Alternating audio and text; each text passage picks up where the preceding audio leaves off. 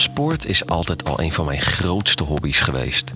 Maar sinds kort ben ik bijna 24-7 bezig met topsport. In de zomerstop was er even geen competitie, dus had ik wat meer tijd om de sportschool te bezoeken. Ik ga al jaren naar dezelfde sportschool, maar ik heb geen enkele verbinding met mijn lotgenoten. Ik doe daar mijn warming-up, oefeningen en daarna ben ik weer pleiten. Maar sinds kort ben ik langer bezig dan normaal. Dit begon met de komst van het hockeyteam. De dames van het eerste team hadden er dit jaar voor het eerst als uitbreiding op hun trainingsschema ook een aantal sessies per week in de sportschool bijgekregen. En zoals alle mannen ben ik danig onder de indruk van de mooie dames die zich in het zweet werken. Een van die dames was Danielle, een donkerblonde dame van ruim 1,70 meter, met een geweldig figuur. Mooie billen voor iemand die niet al te stevig is en haar borsten een goede cup Ik ben niet het type persoon dat voor zich uitkijkt terwijl er naast mij iemand anders aan het stoeien is met de apparatuur.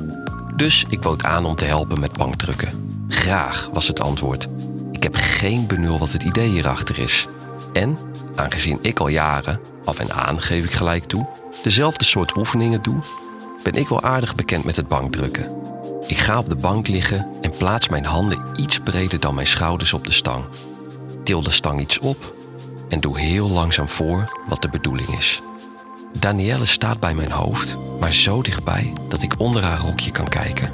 Ja, de dames zijn in hockeykleding gekomen. En dat wat je net niet ziet, is natuurlijk altijd het spannendste. Danielle ziet dat ik kijk en zet haar benen net ietsje wijder uit elkaar. Hierdoor trekt haar broekje iets strakker tegen haar kutje.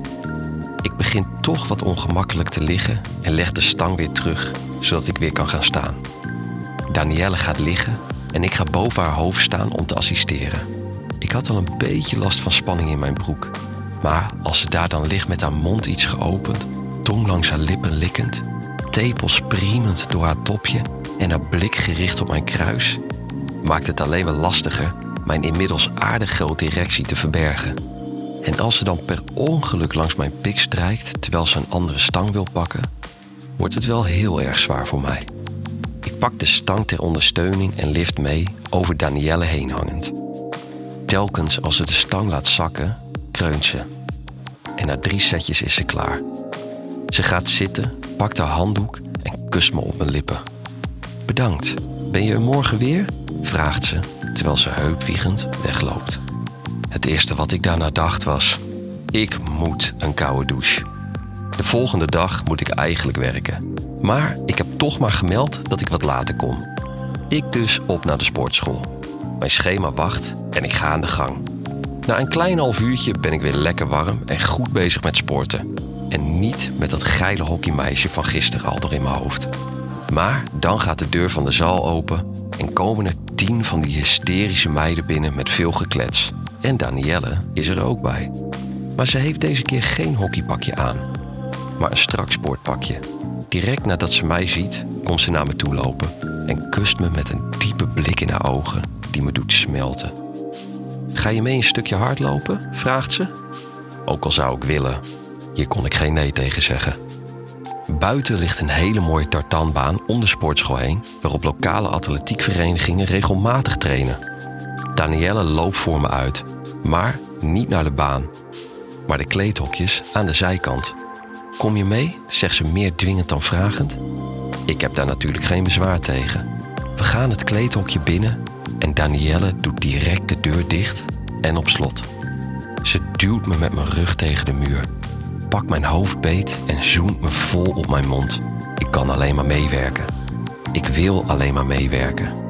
Grijp haar volle billen vast en voel hoe zij haar buik tegen mijn buik begint te wrijven. Haar mond opent een klein beetje en haar tong zoekt de mijne. Innig tongend blijft ze tegen me aanrijden. Na een paar minuten voel ik me genoeg gesterkt om haar borsten op te zoeken en ik kneed ze stevig tussen mijn handen. Ik pak af en toe door het stof heen een tepel vast en kijk hoe zij hierop reageert. Met veel gekreun en gezucht wordt elke keer dat ik erin knijp mijn beweging verwelkomd. Haar reactie hierop is een hand die over mijn enorme stijve lul begint te wrijven. Ook ik kan het niet laten om te kreunen en te steunen. Dit moedigt Danielle aan om mijn pik uit zijn benarde omstandigheden te bevrijden en mij eens lekker stevig te hand te nemen.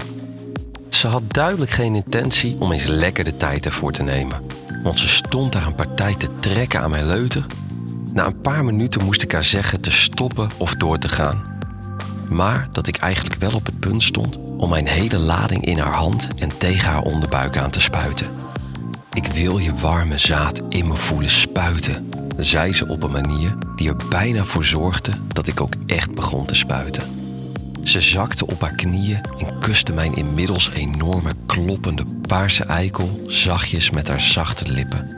Het voorvocht begon nu te lopen en ik voelde hoe Danielle's tong over mijn eikelgaatje gleed om het vocht op te likken. Ze was zo gulzig dat het maar heel kort duurde voor ik haar lippen zuigend over mijn pal voelde.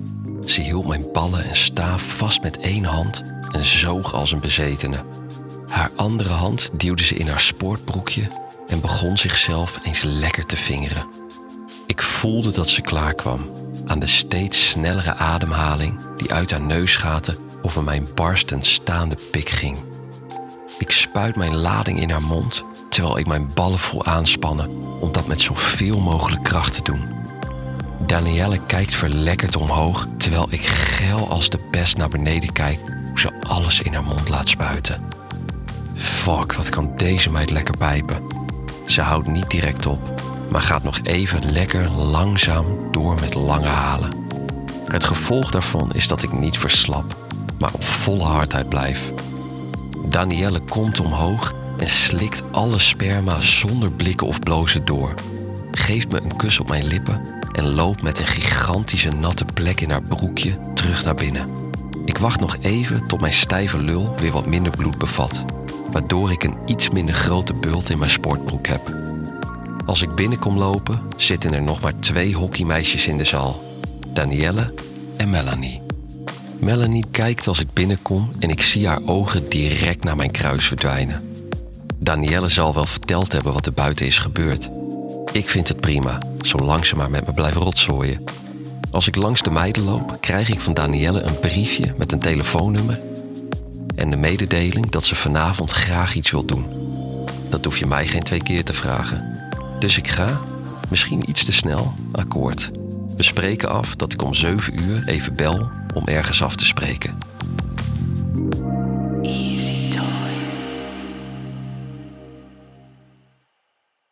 Wil jij nou meer spannende verhalen? Luister dan naar Charlie's Avonturen, een podcast van Easy Toys.